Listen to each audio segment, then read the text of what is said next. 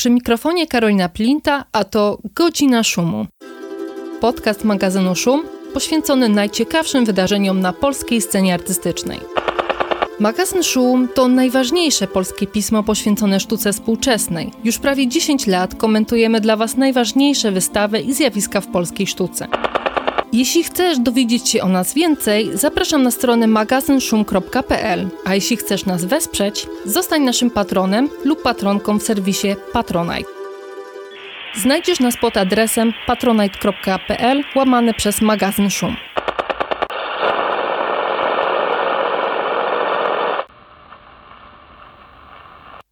Witam Państwa, to 90. odcinek Godziny Szumu. Tym razem moimi gościniami są dwie osoby związane ze środowiskiem tanecznym Warszawy. Pierwszy to Joanna Szymajda, adiunktka w Instytucie Sztuki PAN, menedżerka kultury, kuratorka i badaczka tańca współczesnego.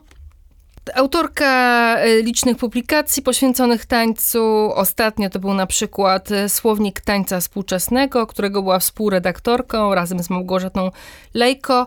A nas będzie szczególnie interesował jej artykuł poświęcony Centrum Choreograficznemu, scenie tańca w Warszawie, który został opublikowany w piśmie Dialog e, w maju 2023 roku. To jest numer piąty z tego roku. Oraz drugą moją gościnią będzie Alicja Czyczel, choreografka, tancerka i kulturoznawczyni, także feministka, twórczyni e, związana z Warszawą, mieszkająca i tworząca w tym mieście, także członkini kolektywu Przestrzeń Wspólna oraz e, członkini społeczności warszawskiej queerowej Akademii Ruchu, która, jak wiem, także jest y, związana z tym środowiskiem, które intensywnie pracuje nad tym projektem Centrum Choreograficznego. Dziewczyny, witam Was serdecznie. Dzień dobry. Dzień dobry, cześć. Zanim jednak przejdziemy do rozmowy, zrobimy krótką przerwę na materiały naszych partnerów.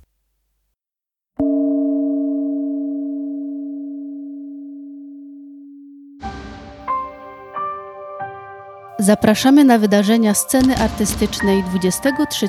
Międzynarodowego Festiwalu Filmowego M-Bank Nowe Horyzonty. W studio BWA Wrocław przyjrzymy się twórczości eksperymentatora Aleu Robagrie. Wystawa łączy się z dwiema sekcjami filmowymi Avec Plaisir i retrospektywą francuskiego reżysera. Zapraszamy do Wrocławia od 20 lipca Szczegóły na stronie nowyhoryzonty.pl.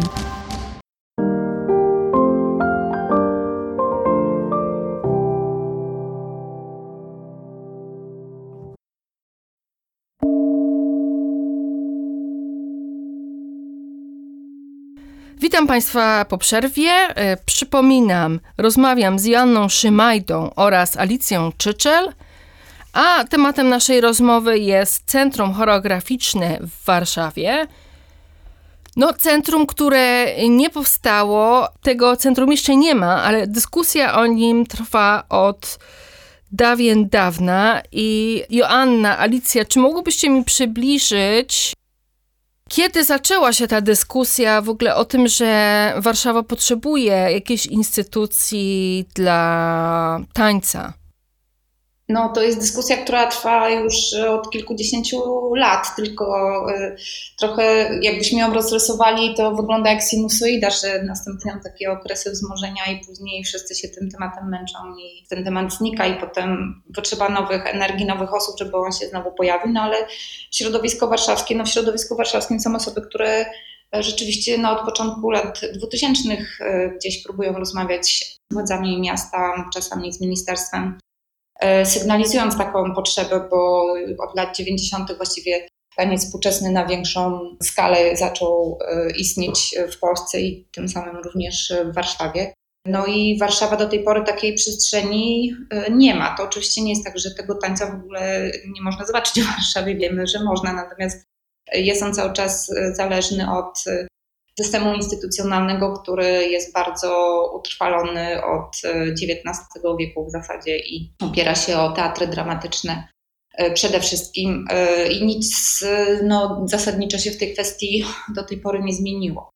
Więc to jest kolejna próba podejmowana przez środowisko, tylko tym razem mam nadzieję, że właśnie będzie może trochę szerzej e, reprezentowana jakby w środowisku, e, bo zazwyczaj to były działania jakichś pojedynczych osób albo mniejszych grup związanych z, daną, z danym wydarzeniem, festiwalem czy, czy działających jakby w jakimś określonym obszarze. Więc tutaj próbujemy zintegrować e, różne głosy, czasami nie mające takiej samej wizji, czym takie centrum powinno być, czy scena tańca.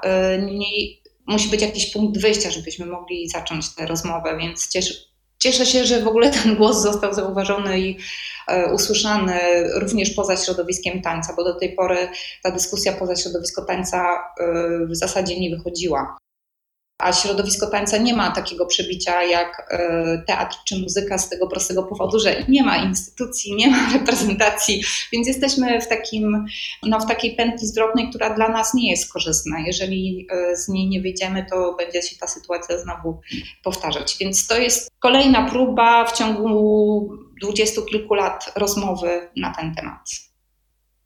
No, wspomniałeś, że nie ma żadnej instytucji. Jest Instytut Muzyki i Tańca. I, i co z tym instytutem? Jest, oczywiście. Ja nawet byłam, y, zakładałam ten instytut, więc y, wiem, wiem, jak on funkcjonował wtedy. I to było y, oczywiście wielkie wydarzenie w środowisku tańca. Ja wiem, że Instytut, tak jak funkcjonował, nie spełniał wszystkich wymagań środowiska i było to, jego powstanie było z jednej strony no, czymś wyjątkowym, bo to jest do tej pory jedyna instytucja publiczna, która jest poświęcona tańcowi, tylko pamiętajmy, że to jest Instytut Muzyki i Tańca. E, anegdota jest taka, że miał być to Instytut Tańca. Taki był postulat z Kongresu Kultury we Wrocławiu w 2009 roku. Ale środowisko muzyki się oburzyło, że jak to powstanie Instytut Tańca, a nie będzie Instytutu Muzyki, więc ostatecznie zostaliśmy Instytutem Muzyki i Tańca. I to znowu bardzo osłabiło pozycję tańca, bo jesteśmy tam nie jesteśmy tam dominującym e, departamentem, e, znowu z tego powodu, że środowisko tańca, jego infrastruktura jest nieporównywalna z muzyką. Jeżeli spojrzymy na wydatki Ministerstwa Kultury, muzyka jest na pierwszym miejscu, a taniec dzieli ostatnie miejsce ze sztukami wizualnymi, więc jakby ta dysproporcja i łączenie tych dwóch e, elementów w jedną instytucję no, też było pewną gimnastyką Poza tym instytut y, jest instytucją ministerialną, to znaczy nie jest instytucją artystyczną i to bardzo ograniczyło jego możliwości w zakresie produkcji. Po prostu nie może właśnie y, spełniać funkcji sceny. I właściwie takie było polecenie z ministerstwa, że nie możemy być jak Instytut Teatralny, który ma nawet malutką scenę, ale ma, i y, że mamy być przede wszystkim no, agendą ministerialną, która będzie realizowała politykę kulturalną ministerstwa w tym zakresie. E, przy czym środki w drugim roku działalności, jakie na to mieliśmy, to było może nawet w trzecim dopiero, to było około 2 milionów złotych na cały taniec, na całą Polskę, więc to, to są oczywiście kwoty dosyć zabawne, bo jakikolwiek teatr w Warszawie ma dużo większy budżet niż miał Instytut Muzyki i Tańca na rozwój tańca. Więc jakby było super, że powstała ta instytucja i, i naprawdę starałam się jakoś wykorzystać ten budżet jak najlepiej y, ten dosyć niewielki budżet i myślę, że powstały w ogóle wtedy jakiekolwiek pierwsze programy, które były przeznaczone tylko dla środowiska tańca, więc to dużo zmieniło, ale nadal nie zmieniło tej zasadniczej y, rzeczy, jaką jest brak infrastruktury. I tego problemu nikt samodzielnie nie rozwiąże, bo jest to jednak problem związany y, z lokalami, z, nieruch z nieruchomościami i z tym, jakby z dyspozycyjnością, która jest w rękach E, miasta bądź w rękach ministerstwa. Przy czym za moich czasów w ministerstwie nie powstawało za dużo nowych instytucji kultury, właściwie bardzo mało ich powstawało. Teraz powstaje ich dużo więcej, więc jest trochę inna perspektywa. Natomiast e, mimo tego, że powstało no, ponad 120 nowych instytucji kultury od 2015 roku, to nadal nie powstała ta, na którą my czekamy. Więc z tego powodu właśnie Instytut Muzyki i Tańca też e, nie wypełnił e, tej luki do tej pory. Alicja chce coś dodać, proszę. Tak, ja bym chciała dodać może takie szersze spojrzenie, bo oczywiście Narodowy Instytut Muzyki i Tańca jest bardzo ważną instytucją, ale tak jak już wspomniała Joanna, Jest to narodowa instytucja ogólnopolska, która ma zupełnie inną e, misję niż mniejsze centra, e, centra lokalne i tak, o takie centrum nam chodzi, znaczy centrum choreograficzne w Warszawie.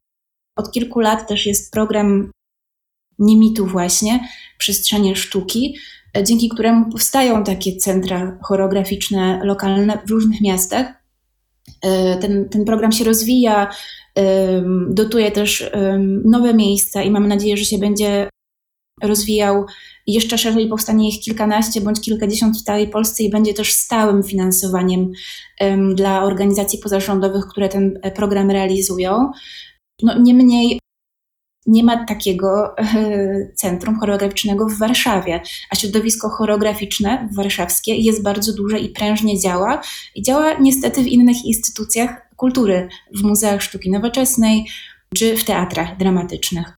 E, mam wrażenie, że taka zmiana i też poczucie, że miasto Warszawa chce z nami rozmawiać, wydarzyła się dzięki spotkaniu którym Joanna Szymajda też brała udział, zorganizowanym przez Komunę Warszawę, które odbyło się 20 lutego, dosyć niedawno, właśnie w komunie i było zatytułowane Po co tyle teatrów w Warszawie? albo porozmawiajmy o ekosystemie sztuk performatywnych.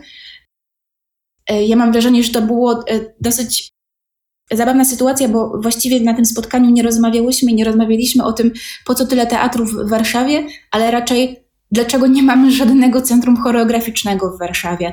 I tutaj mam wrażenie, że miasto Warszawa i polityczki, i politycy, samorządowcy i samorządowczynie odczuli pewien brak. To znaczy nie ten naddatek, dlaczego jest tak dużo teatrów dramatycznych, ale właściwie dlaczego nie mamy centrum choreograficznego.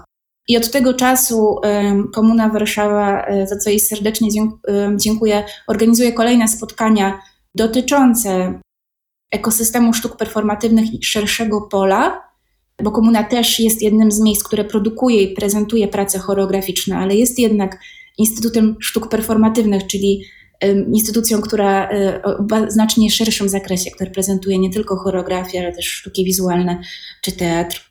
I, I, są, odbywają się kolejne spotkania i ta dyskusja trwa. I mam wrażenie, że od tego momentu dosyć, dosyć silnie um, po prostu weszłyśmy i weszliśmy w dialog, my, artystki, producentki, kuratorki y, z Biurem Kultury, który, mamy nadzieję, zakończy się y, podpisaniem dokumentu i oddaniem nam nowej siedziby Centrum Choreograficznego w Warszawie. Uhu, niesie się to zapowiada. Ten projekt, który został opublikowany pod nazwiskiem y, Joanny, to jest jakby efekt grupy roboczej, z tego, co się można też tą dowiedzieć na stronie dialogu. E, I ciekawi mnie, kto jest w tej grupie i jak ten e, projekt powstawał. Ten projekt jest pod moim nazwiskiem, no to jest kwestia raczej formalna po prostu. Natomiast e, on też pojawił się w wersji drukowanej, tylko ta wersja drukowana chyba szybko zniknęła jako że jest y, historycznym numerem dialogu, szybko zniknęła z różnych miejsc, więc teraz na szczęście istnieje na stronie internetowej, można się z nim e, zapoznać. E, grupa powstała właśnie po tym spotkaniu w komunie, bo miałam wrażenie, że jakby wygenerowała się pozytywna e, energia, właśnie grupowa, że bardzo dużo osób uczestniczyło w tym spotkaniu i na miejscu, i online, i potem dużo osób się do mnie odzywało, że jeżeli będę dalej chciała ciągnąć e, ten wątek rozmów z miastem, to chętnie nie mnie wspomogą, różne osoby chętnie ze mną pójdą i uznałam, że też e, chciałabym to zorganizować inaczej niż może do tej pory się to odbywało, to, czyli właśnie spróbować przenieść ten, ten, tę dyskusję na bardziej otwarty grunt y, i stąd powstała grupa na Facebooku. Ona nie jest grupą y, otwartą w tym sensie, że bez mojej zgody jako administratora tam nie można się dostać, ale ja każdego akceptuję, tylko po prostu chciałabym mieć, znaczy chciałabym, żeby wszyscy, którzy tam są w tej grupie, byli tam świadomie, tak, a nie przypadkiem klikając na Facebooku na łącznik, więc jest tam około 60 osób, które są w większości z Warszawy, nie tylko, które są zainteresowane powstaniem takiej przestrzeni, jak rozumiem, albo chcą e, niekoniecznie zawsze aktywnie, ale śledzić te dyskusje, czasami po prostu wiedzieć, e, co się dzieje na grupie. I od lutego do mniej więcej kwietnia, jakby pracowaliśmy nad tym dokumentem, ja zaproponowałam jakieś ramy teoretyczne, bo po prostu mam akurat doświadczenie w przygotowywaniu tego typu dokumentów, więc było to dla mnie dosyć proste. Natomiast później treść e, dyskutowaliśmy, uzupełnialiśmy e, razem i to jest absolutnie dobrowolne. Kto chce, to się włącza, kto, kto chce, to tylko e, obserwuje. I oczywiście ja rozumiem, że to nie jest projekt, który spełnia wszystkie wymagania, bo znowu musiał on po, po, połączyć jakoś dosyć e, rozbieżne czasami wizje i czasami dosyć rozbieżne potrzeby.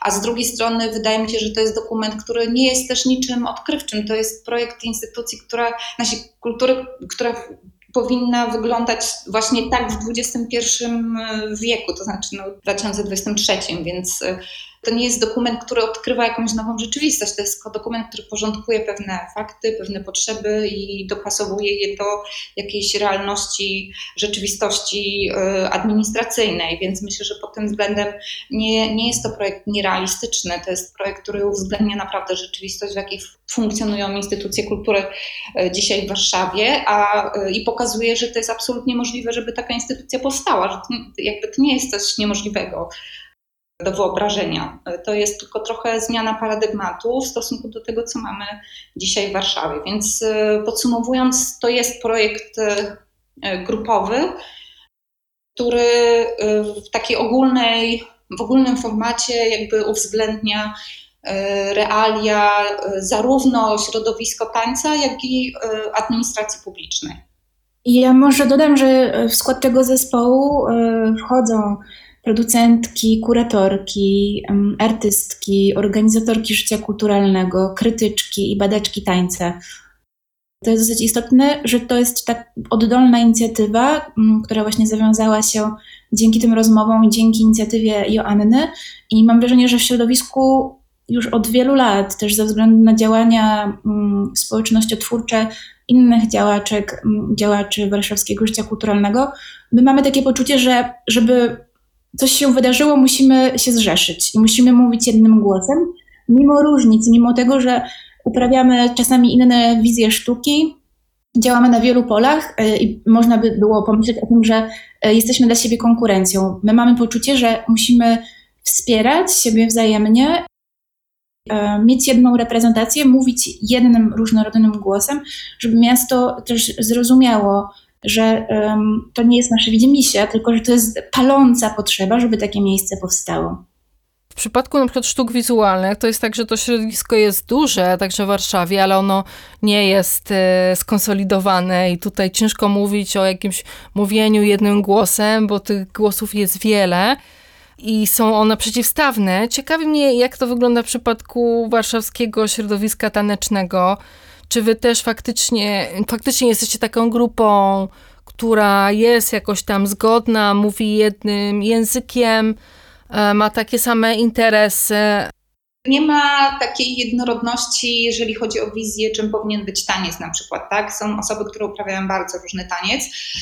I oczywiście y, są jakby pewne perspektywy, które mówią, że no bardziej powinien być y, tutaj teatr tańca, tu jednak bardziej performance, prawda? I tak między taką tradycyjną dosyć dychotomią gdzieś tam się y, poruszamy, ale ja uważam, że właśnie ta grupa jest doskonałym narzędziem do tego, że jeżeli ktoś chciałby w sposób akceptowalny, jakby w ramach dyskusji, prowadzonej zgodnie z jakimiś regułami życia społecznego się wyrazić również krytycznie, to właśnie to jest ta przestrzeń. Jeżeli się nie wyraża, to znaczy, że y, mimo tego, że jest w tej grupie i nie wyraża tej krytyki, znaczy, że to akceptuje, no bo to jakby jest ta przestrzeń do, y, do tej dyskusji.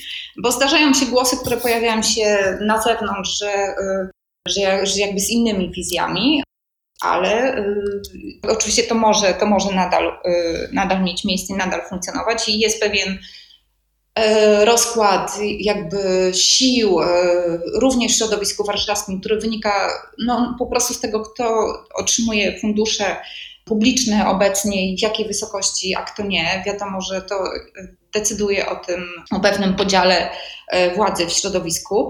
E, natomiast e, projekt tego centrum zakłada również współistnienie różnych estetyk, więc jakby on nie wyklucza różnych, różnych wielogłosowości w tym środowisku. I to jest dosyć naturalne, bo w tańcu jakby właściwie bardzo czasami trudno jest też gatunkowo cokolwiek podzielić. To są tak hybrydowe formy niekiedy, że naprawdę jakby idziemy chyba w kierunku raczej od, odchodzenia od takich kategorii tradycyjnych, gatunkowych i, i dyscyplin, w kierunku pojmowania choreografii e, współczesnej jako sztuki, która e, po prostu posługuje się ruchem, kategorią ruchu, kategorią szeroko rozumianej choreografii w swoich pracach. E, I tam znajdzie się miejsce dla osób myślących bardzo różnie o tańcu. Taki jest zamysł, żeby nie, był to, żeby nie było to miejsce jednej wizji również, ale żeby jednak zapewniało możliwości normalnej pracy tym, którzy dzisiaj tego nie mają, a jest takich osób bardzo wiele. To jest y, dopominanie się o to, żebyśmy mieli podobne warunki pracy, jak istnieją w środowisku teatru, czy w środowisku y, muzyki, czy nawet w środowisku sztuk y, plastycznych, bo w sumie nawet środowisko sztuk plastycznych jest bardziej infrastrukturalnie rozwinięty. I oczywiście, że będą głosy krytyki, nie można tutaj utopijnie patrzeć na to i myśleć o tym, że, że wszyscy to zaakceptują bezwarunkowo, ale krytyka jest też naturalnym elementem procesów rozwojowych. Więc myślę, że to, to trzeba brać jakby zawsze pod uwagę, że takie głosy będą, że zawsze będą głosy osób gdzieś być może czujących się mniej ujęte, czy mniej. Yy, zaopiekowane przez ten system. Nie wiem, z doświadczenia mojego wynika to, że żadna instytucja nigdy nie zapewni wszystkich potrzeb, więc tu też nie można tak e, utopijnie podchodzić do tego, że jak powstanie jedna przestrzeń dla tańca w Warszawie, to załatwi wszystkie problemy. Nie załatwi, ale będzie początkiem do tego, żeby e, znormalizować tę sytuację. E, ja dodam, mimo tych różnic, mimo tego, że nawet w myśleniu bardzo trudno pogodzić potrzeby e, i interesy tańca współczesnego, tańca ludowego, tańca sportowego, choreografii, form eksperymentalnych, to jednak mam wrażenie, że mamy wspólny interes i tym interesem jest właśnie to, żeby powstało takie centrum choreograficzne. Kropka. Tak, dlatego że y, jest to pewien symboliczny jednak gest. E, chciałam też przypomnieć, że Instytut Muzyki i Tańca nie ma do tej pory swojej siedziby, to znaczy wynajmuje przestrzeń od 13 e, lat. Nie jest fizycznie utrwalonym miejscem w tkance miasta. Natomiast tutaj chodzi o to, żeby powstała przestrzeń, która jest fizycznie, wizualnie identyfikowalna jako przestrzeń dla tańca. To może się wydawać e, dzisiaj. Mm, może jakimś zbytkiem czy naddatkiem, ale tak funkcjonuje percepcja przeciętnego widza. Jeżeli zapytamy kogoś na ulicy w Warszawie, gdzie można zobaczyć taniec współczesny, to on w ogóle naprawdę ta osoba nie będzie wiedziała tego, ponieważ to jest tak rozproszony system e, i tak punktowy, że bez takiej środowiskowej wiedzy bardzo trudno się w tym zorientować, e, kto jest tańcem współczesnym dzisiaj w Warszawie, tak? bo te pozycje się pojawiają pomiędzy teatrem, pomiędzy projektami muzealnymi, czasami gdzieś tam również e, w jakichś przestrzeniach bardziej związanych z muzyką współczesną czy w krytyce politycznej, więc jakby zmapowanie tego obrazu wymaga naprawdę sporej wiedzy i dużej aktywności. Jeżeli jest miejsce, które jest takim centrum organizacji tego ekosystemu tanecznego, tak to nazwijmy, w Warszawie, to, to bardzo pomaga w ustaleniu takiego statusu ontologicznego w ogóle tej sztuki tańca w Warszawie. To znaczy, że osoby również zupełnie przypadkowe zaczną dostrzegać to, że istnieje coś takiego jak choreografia, jak taniec, że to może być, że to jest również e, równoważna sztuka, więc dlatego ta wizualna reprezentacja, instytucjonalna reprezentacja w e, przestrzeni po prostu fizycznej, fizycznej tkance miasta jest e, bardzo istotna i ona przyniesie korzyści dla wszystkich, bez względu na to, jakim rodzajem tańca się zajmują. Alicja, a jak ty byś opisała swoją percepcję środowiska warszawskiego, no, którego jesteś częścią? Jak mówimy o tej instytucji potrzebnej dla tego środowiska, no to jak widzisz, co to za, co to za środowisko? Na początku oczywiście trzeba poczynić takie um, doprecyzowanie, że um, mówimy o środowisku tańca współczesnego. No i mam wrażenie, że też taka społeczna szersza wiedza dotycząca tego, czym taniec współczesny jest, jest dosyć wąska. Taniec współczesny zawiera w sobie bardzo wiele technik. I czymś innym też dla niektórych, tutaj pewnie badaczki um, będą się spierać, o to, czy, czy choreografia, czy teraz choreografia eksperymentalna, nowy taniec są częścią tańca współczesnego, ale używamy tego parasola, żeby właśnie mówić o, o pewnym obszarze tańca. I to środowisko jest bardzo duże i różnorodne. I oczywiście organizacje i, i osoby artystyczne, które wchodzą w jego skład, mają różne potrzeby i różne interesy. Ale ja mam wrażenie, że też dzięki działaniom Agaty Życzkowskiej i Pauliny Święcajskiej, które lata temu e, stworzyły taki, taką debatę i takie miejsce, które nazywało się Centrum Sztuki Tańca, że to środowisko w pewnym momencie poczuło właśnie, że, że musi się skonsolidować i, i że potrzebuje tej przestrzeni, potrzebuje miejsca, gdzie będziemy miały rezydencje, gdzie będziemy mogły prowadzić badania, gdzie będziemy mogły pokazywać swoje prace, gdzie będziemy mogły tworzyć nowe spektakle, choreografie.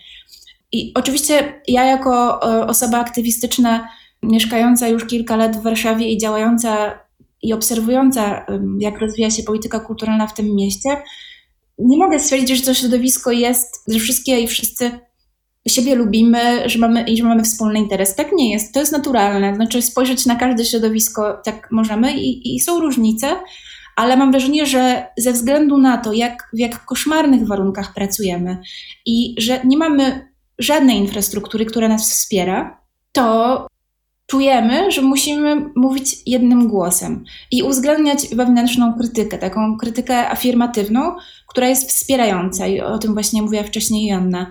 I ja mam wrażenie, że to się wydarza dzięki Joannie, dzięki rozmowom w komunie i też na przekór zmęczeniu i życiu w mieście, w kraju, które mam wrażenie jakby udaje, że, że nie istnieje choreografia, udaje, że nie istnieje taniec współczesny. I, I, polskie choreografki muszą się dwoić i troić, żeby, żeby móc pracować. Muszą się kontaktować z różnymi instytucjami, zakładają fundacje, organizacje, działają w organizacjach pozarządowych, tworzą tkankę, ofertę kulturalną miasta Warszawy, ale cały czas nie mają stałego wsparcia i nie mają też takiego poczucia, że mają swój dom z takiego miejsca mówimy i, i staramy się właśnie wyobrazić sobie i nazwać, czym byłoby to miejsce. Po prostu. A y, też proszę pamiętać o tym, że y, ja mam 31 lat, więc już nie jestem twórczynią tak zwanego, no może jestem młodego pokolenia, ale cały czas pojawiają się debiutantki, pojawiają się nowe młode artystki, które szukają też miejsc, gdzie mogą testować, czym byłaby sztuka choreograficzna, że chcą rozwijać tą dziedzinę.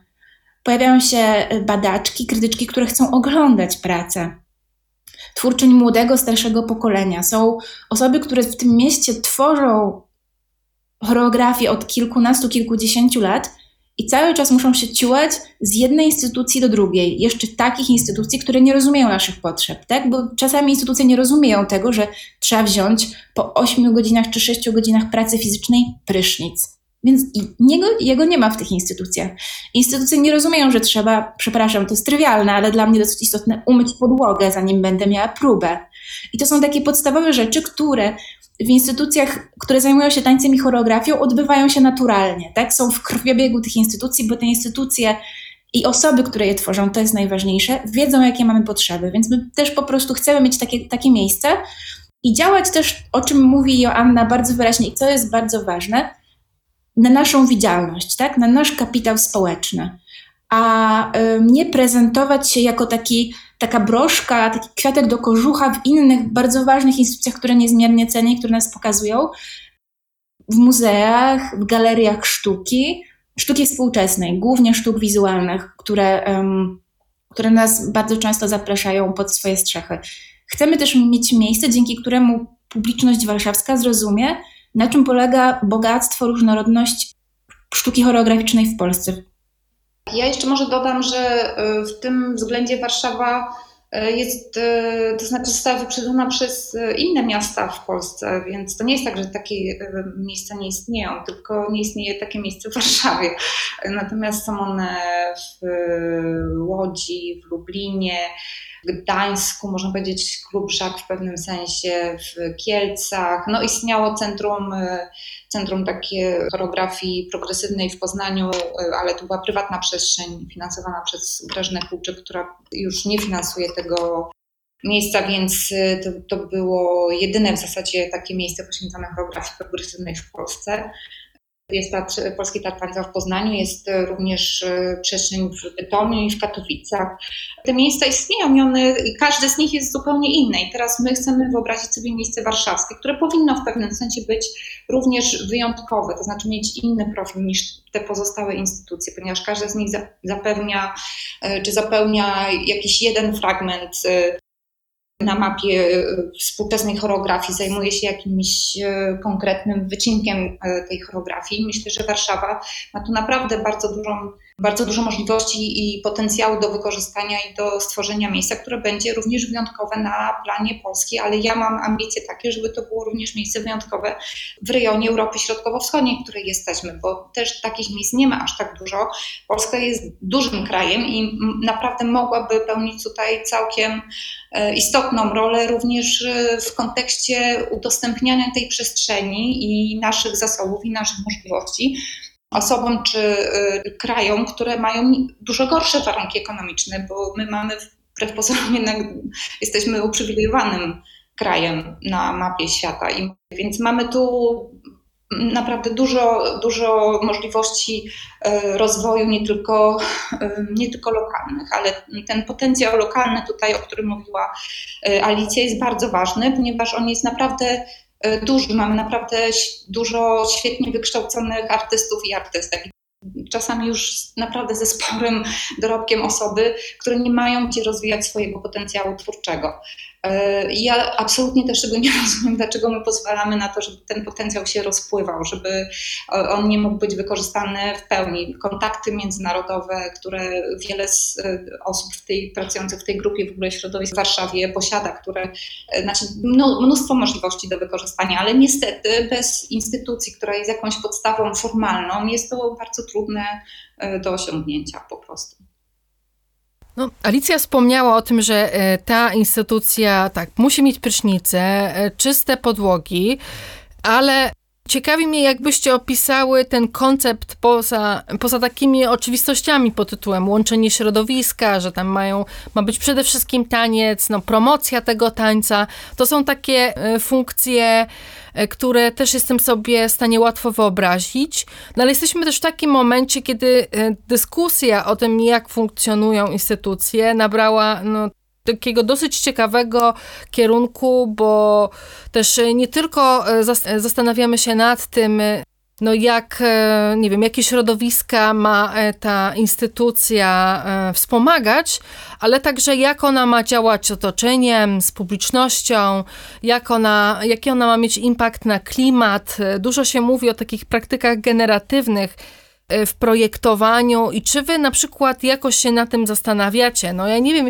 jaki taniec ma taki negatywny wpływ na środowisko, ale może właśnie mi powiecie. Za duże na przykład zużycie wody. Wszyscy tancerze biegną po, po ćwiczeniach prysznice i tam rachunek za gaz i za wodę sięga zenitu. Mm, no tak, no jakbyśmy byli nad Wisłą, to można iść się kąpać do Wisły. to ostatni prysznic, ostatnia kąpiel tego tancerza. To taki dowcip, ale te wszystkie elementy związane ze świadomością ekologiczną, nie, jakby również jeżeli chodzi o produkcję, są też oczywiście ujęte w tym projekcie. To jest dosyć zrozumiałe, e, że dzisiaj już taki sposób jakby wykorzystujący bez zastanowienia wszelkie zasoby nie, nie można działać, bo chociażby programy europejskie nakładają bardzo wysokie wymagania w tym zakresie. Zresztą ja sobie w ogóle nie wyobrażam, żeby nie brać tego nie brać takich aspektów pod uwagę. No, prysznice muszą być i osoby po próbach muszą mieć możliwość się umyć. E, możemy to jakoś limitować ale to chyba nie jest e, największy problem. Myślę, że sporym problemem akurat w środowisku tańca, które jest bardzo mobilne, jest właśnie sama mobilność. To znaczy, że wiele projektów odbywa się na zasadzie wymiany, współpracy, koprodukcji, co powoduje akurat, że spore są koszty również ekologiczne związane z podróżowaniem. I to na przykład jest dzisiaj jakąś jedną z głównych bolączek, które próbuje się e, rozwiązać. E, no są artyści, którzy rezygnują z podróżowania i pracują na przykład e, zdalnie, tak, pracują poprzez formaty które przenoszą na róż, w różne przestrzenie, niekoniecznie fizycznie za nimi podążając. E, więc ta świadomość ekologiczna jest również, e, znaczy musi być obecna w zarządzaniu, ale ona też jest obecna jakby w świadomości twórczej artystów i artystek, którzy często w ogóle te problemy podejmują jako, jako przedmiot swojej pracy. Także takie funkcjonowanie w ekosystemie e, społecznym, ale też w ekosystemie naturalnym, jakby w ekosystemie przyrody e, jest, jest bardzo ważnym punktem i my to dosyć szczegółowo też w tym projekcie rozwijamy. Tak, ja bym chciała też dodać do, do tej dyskusji takie rozumienie ekologii nie tylko jako rabatek, które posadzimy obok e, instytucji kultury i kranówki, którą będziemy piły w miejscu pracy i e, recyklingu śmieci, które są, nie żartuję z tych rzeczy, one są bardzo istotne, ale to jest takie dosyć wąskie rozumienie ekologii, które zakłada, że człowiek osoba społeczna nie jest częścią przyrody. Ja się za taką część uważam i za ekologiczne myślenie o instytucjach kultury uważam też myślenie o tym, co społeczne, i e, w, to, w ten aspekt e, wkładam na przykład prawa pracownicze. E, myślę o tym, że ekologiczne jest myślenie o dobrostanie twórców i twórczyń, osób tworzących kulturę, wdrażanie antywypaleniowych praktyk w miejscu pracy, myślenie o tym, na jakich warunkach chcemy współpracować ze sobą, e, w jaki dialog wchodzić z tak zwanym otoczeniem społecznym, jak włączać publiczność w, nasze tworze, e, w naszą twórczość, w nasz, nasz program. I, i ty, tych aspektów jest bardzo wiele, i mam wrażenie, że grono, które się zebrało, żeby stworzyć wspólnie z Joanną ten dokument i żeby dalej pracować nad tym, jak to miejsce ma wyglądać, ma gigantyczne kompetencje, żeby o ekologii o, i o ekologizacji sztuk performatywnych w tym tańce i choreografii rozmawiać. Od tych e, rabatek, od tego e, używania wody, e, po bardziej jakby mam wrażenie palące kwestie takie jak właśnie prawa pracownicze, czy dobrostan i zdrowie psychiczne oraz też dosyć istotny wątek w naszym środowisku, czyli macierzyństwo i zaopiekowanie się osobami opiekuńczymi, które są często tancerkami, choreografkami, producentkami. Widziałam, że w Waszym projekcie też jest e, postulat e, takiego e, miejsca opieki dla dzieci. Tak, jest taki, pom- jest taki pomysł i potrzeba chyba też, żeby poza tym, co właśnie powiedziała Alicja, uwzględniać w projektach rezydencyjnych osoby Y, osoby z dziećmi, żeby uwzględniać również widzów i widzki z dziećmi, które chcą przyjść na spektakl, a nie mogą, nie stać ich na przykład na opiekunkę albo nie mogą zostawić, y, nie mają z kim zostawić dziecka, żeby mogły przyjść z dzieckiem do, do naszego centrum i ta instytucja może zapewnić po prostu opiekę na czas spektakli, więc mamy też taki pomysł, żeby tego typu aktywność była również y, możliwa. Tak, ja mam też wrażenie, że no to też pewnie e, Państwo, słuchacze i słuchaczki wiecie, ale środowisko tańca i choreografii jest silnie sfeminizowanym środowiskiem. W, większości tworzą je osoby kobiece, więc y, często są też po prostu artystkami, matkami, po prostu. Myślę, że nie po prostu to jest bardzo trudne łączyć te dwie prace. I ich głos chcemy uwzględnić, tworząc tą instytucję. Od tego właśnie, żeby miały możliwość e, udziału w rezydencjach i zapraszania swojej um, rodziny, po to, żeby było takie miejsce, gdzie dzieci na przykład um, mogą e, spędzić miło czas, kiedy osoby opiekuńcze na przykład idą oglądać spektakl, po też sztukę choreograficzną dla dzieci, która niezwykle prężnie od kilku czy kilkunastu lat rozwija się w Polsce i jest właściwie, myślę, gotowym towarem eksportowym. Jest wiele twórczeń o poziomie światowym, które mogłyby taką choreografię dla najmłodszych prezentować w tym przyszłym centrum choreograficznym. Podczas tej debaty e, w Komunie Warszawa, czy ona zaowocowała też takim tekstem Pawła Wodzińskiego? Zastanawiam się, czy na przykład e, zetknęłyście się z tym tekstem, coś widziałyście. On był taki bardzo z jednej strony e, ten tekst wiał pewnym defetyzmem, e, bo wskazywał na to, że póki e, instytucje są uzależnione od jakiejś władzy, ta zmiana instytucjonalna nie nastąpi. No a z drugiej strony wskazywał taki kierunek dla instytucji, że one powinny od tej władzy centralnej iść w stronę uspołecznienia i takiego powiedzmy rozdrobnienia tej władzy. Jak oceniacie ten projekt taki? Czy to jest jakby realne, no, także w kontekście dyskusji o jakimś miejscu choreograficznym w Warszawie?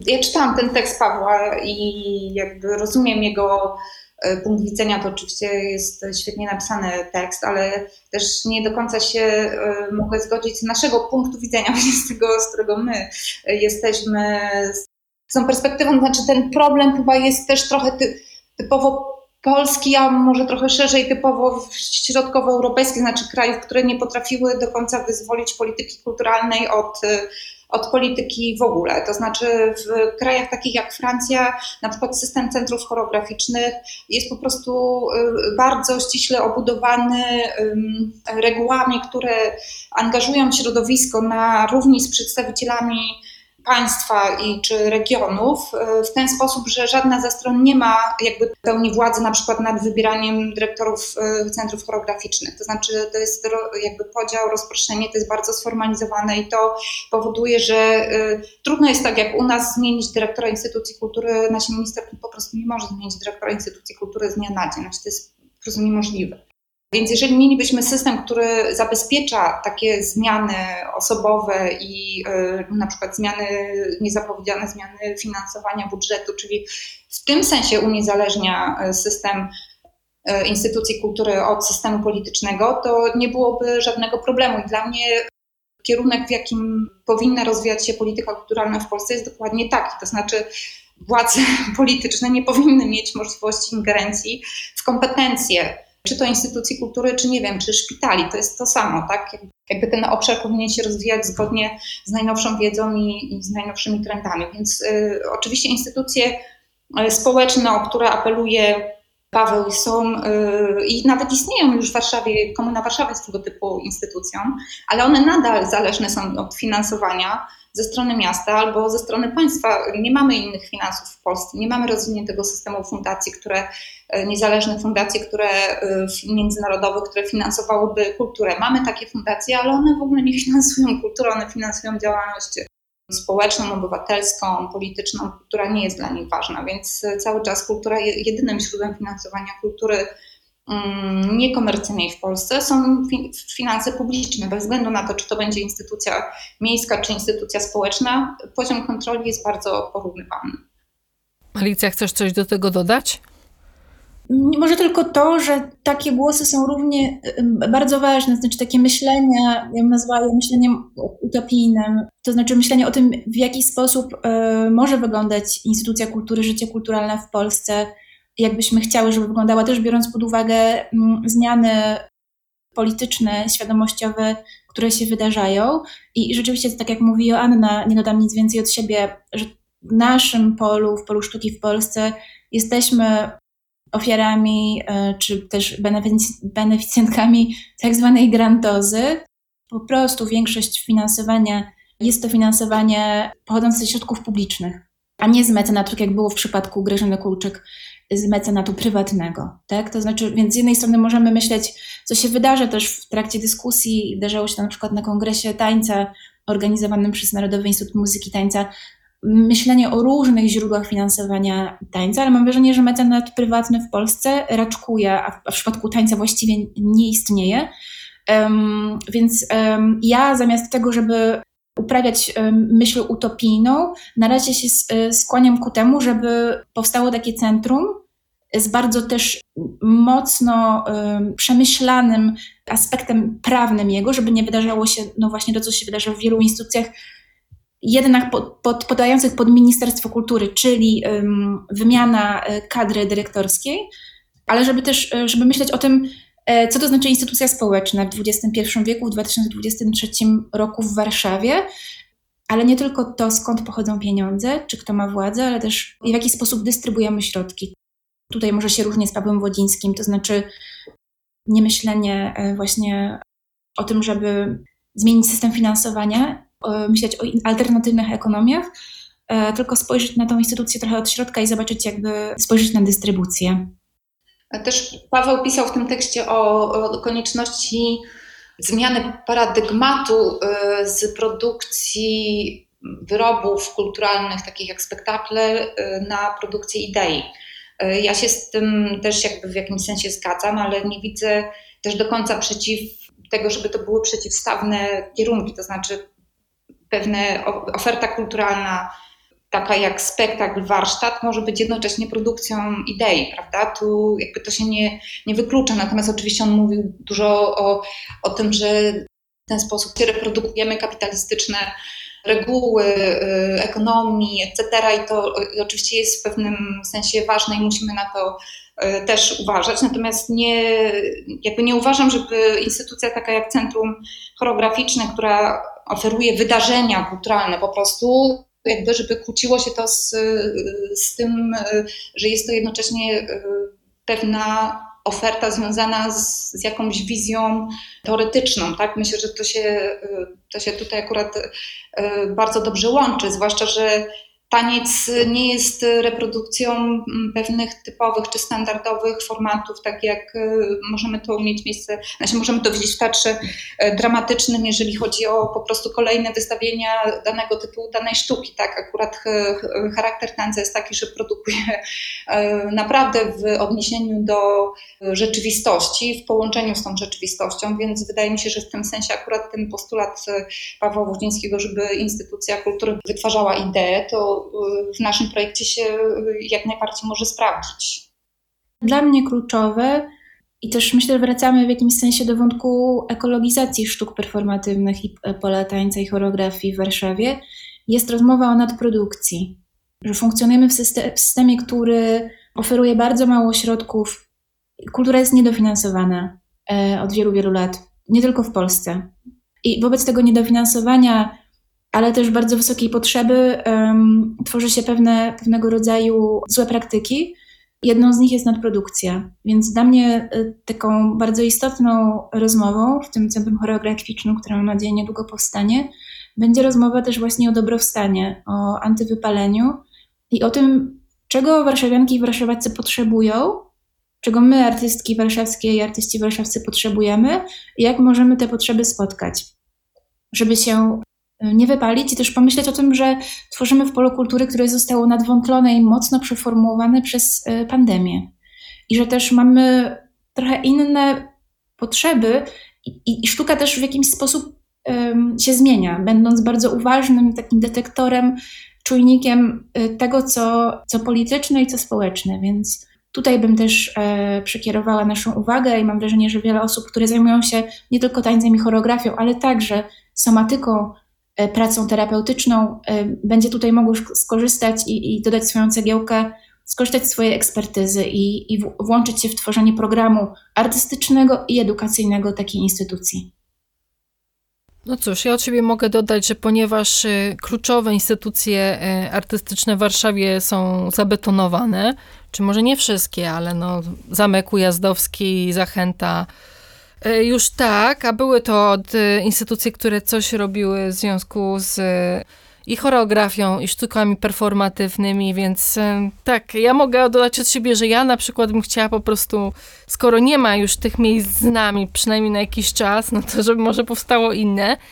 A wspomina, wspominacie takim optymistycznym tonem, że no może już niedługo powstanie Jakie są szanse de facto, żeby to centrum powstało? No i w jakiej perspektywie czasowej?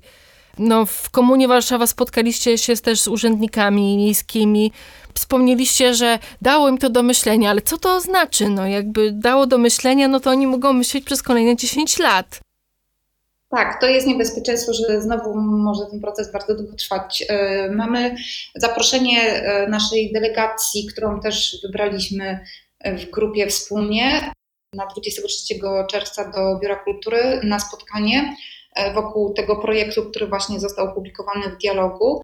Nie wiem, jakie są realistyczne szanse, ponieważ e, powtarzam raz jeszcze, głównym problemem jest przestrzeń. To znaczy, nie ma wolnych chyba przestrzeni, e, które byłyby możliwe na dziś do zaadaptowania na takie centrum, ponieważ jednak taniec nie zmieści się w kamienicy.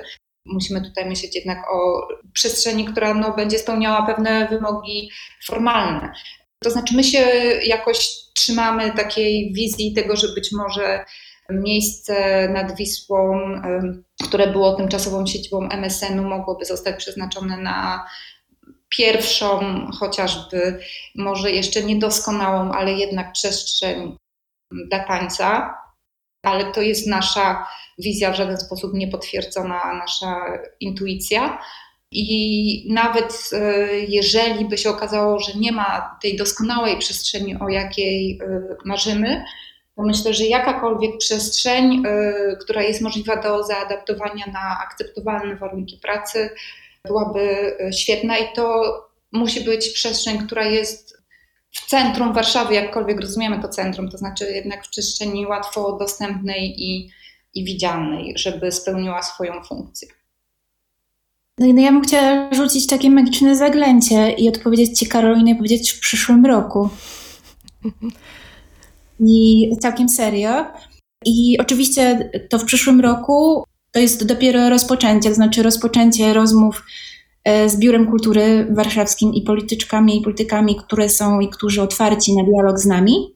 Więc tak jak właśnie wspomniała Anna, delegacja szerokiego środowiska przybędzie entuzjastycznie na to spotkanie z, z konkretnymi już propozycjami. No i mam, mam wrażenie też, że, że miasto przeczytało dokument, który stworzyłyśmy i stworzyliśmy. I rozpoczynamy rozmowy, biorąc pod uwagę, e, w jaki sposób Biuro Kultury rozmawia z, z osobami, które tworzą życie kulturalne w Warszawie, to się wydarzy, bo są chęci, są dobre chęci i my jesteśmy otwarte i otwarci na dialog, więc w przyszłym roku proszę, proszę oczekiwać tego, że się spotkamy. Pytanie gdzie i czy to będzie tymczasowa siedziba, która nie będzie idealna, czy no właśnie tymczasowa, ale która jednak będzie ważnym krokiem na tym, żeby powstało to wymarzone centrum choreograficzne, nie jest dla mnie istotne, ale jest istotne to, że to, to się ma wydarzyć teraz, niebawem. Tak, a jeżeli dostaniemy nieidealną przestrzeń, to fajnie by było i byłoby to bardzo pożądane, żeby wizja tego, tego docelowego centrum choreograficznego była po prostu ujęta w e, plany e, miasta na przyszłość.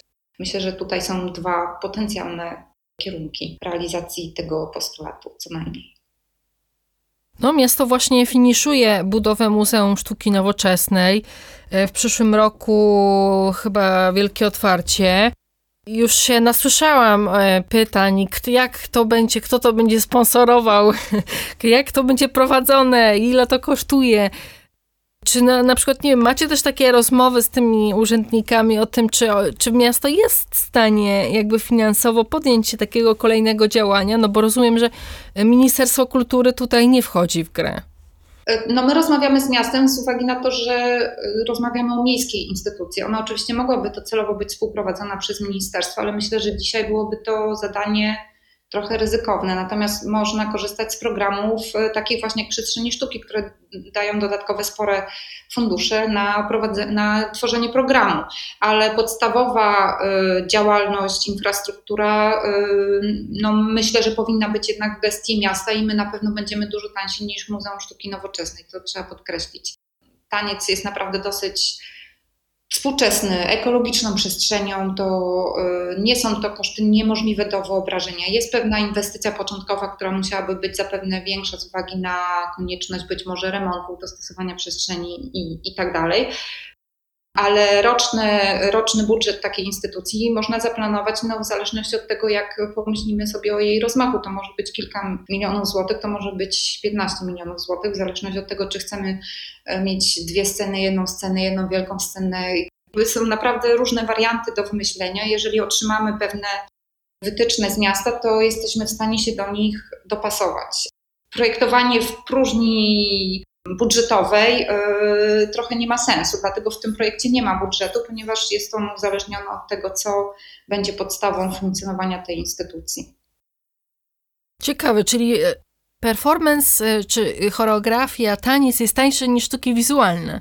Ja zawsze słyszałam na odwrót, że w instytucjach sztuki nie chcieli tego pokazywać, bo to takie drogie. No. E, e, tak, to znaczy nie, nie, jakby nie wiem, jak to wygląda w szczegółach, ale budżet MSN-u chyba jednak jest bardzo imponujący, więc w tym sensie na pewno nie, nie będziemy tak kosztowni jak Muzeum Sztuki Nowoczesnej. Czy y, taniec jest tańszy, czy sztuki wizualne? Nie wiem do końca, jak wyglądają reguły finansowania jakby sztuk y, wizualnych, więc nie mogę się wypowiedzieć, ale na pewno nie jest to inwestycja budżetowa y, niemożliwa do zaplanowania w budżecie miasta, bo to, to, nie są, to, to nie jest wieloletnia inwestycja budowy nowego wielkiego centrum, e, tylko raczej wykorzystanie zasobów już istniejących, albo tak jak mówię, wpisanie tego projektu w plany polityki kulturalnej, które już są i wykorzystanie przestrzeni, które powstają i nie wiem, być może wyobrażenie sobie, że jedna z nowych instytucji może pomieścić dwie instytucje, a nie jedną i bardziej efektywnie korzystać z przestrzeni fizycznej i z zasobów. To może się wciśniecie do MSN-u, do tej nowej siedziby. Same centrum, tak jak tam wpisałyście w tym projekcie. Tak. No, ciekawa jestem, co by tam ekipa powiedziała. No w sumie mają tyle przestrzeni, co z tym będą robić, no. Ja nie wiem. E, nie wiem, jesteśmy otwarci na propozycje. Jak myślę też z tym zastrzeżeniem, że to właśnie jest to, że my jesteśmy goszczone w różnych innych wspaniałych instytucjach. Jestem wielką fanką, czekam na nową siedzibę Muzeum Sztuki Nowoczesnego w Warszawie, najbardziej progresywnej instytucji kultury w Warszawie, jeśli nie w tym kraju, więc też nim kibicuję i będę, będziemy, myślę, szalenie zainteresowane współpracą, no ale to znowu będzie y, współpraca na nierównych warunkach, to znaczy pracowanie na widzialność, splendor innej jednak instytucji kultury, która ma, jest instytucją poświęconą sztukom wizualnym. A tak, myślę, że... Trochę jak Instytut Muzyki i Tańca, że znowu bylibyśmy tylko ogonkiem, a jednak chcielibyśmy być głównym trzonem tej, tego nowego miejsca, które chciałobyśmy, żeby powstało, chcielibyśmy. Tak, a, a nowe praktyki choreograficzne i um, taniec współczesny też rozwija się w kierunku interdyscyplinarnym, więc różnego rodzaju współpracy czy wspólne programy będzie na pewno na nie miejsce pomiędzy Centrum Choreograficznym w Warszawie i Muzeum Sztuki Nowoczesnej w Warszawie. Dziewczyny, to tego właśnie życzę Wam i środowisku tanecznemu, żeby stać się tą e, wisienką na torcie, a nie gdzieś tam być w ogonie, czy też e, kwiatkiem do kożucha. E, no i żeby ta przepowiednia za rok też się spełniła. Przypomnę, rozmawiałam z Joanną Szymajdą oraz Alicją Czyczel o już wkrótce powstającej e, tym Centrum Choreograficznym w Warszawie. E, bardzo Wam dziękuję za rozmowę. Dziękujemy bardzo. Dziękuję bardzo. A nasze słuchaczki oraz osoby słuchające, słuchaczy zapraszam za dwa tygodnie w środę kolejny odcinek Godziny Szumu.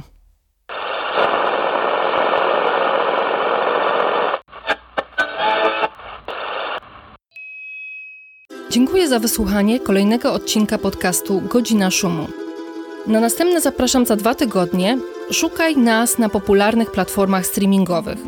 Możesz też wesprzeć naszą działalność w serwisie Patronite, gdzie funkcjonujemy pod adresem patronite.pl łamane przez magazyn Szum. A jeśli chcesz dowiedzieć się więcej o sztuce współczesnej w Polsce, zapraszam na stronę magazynszum.pl. Do usłyszenia!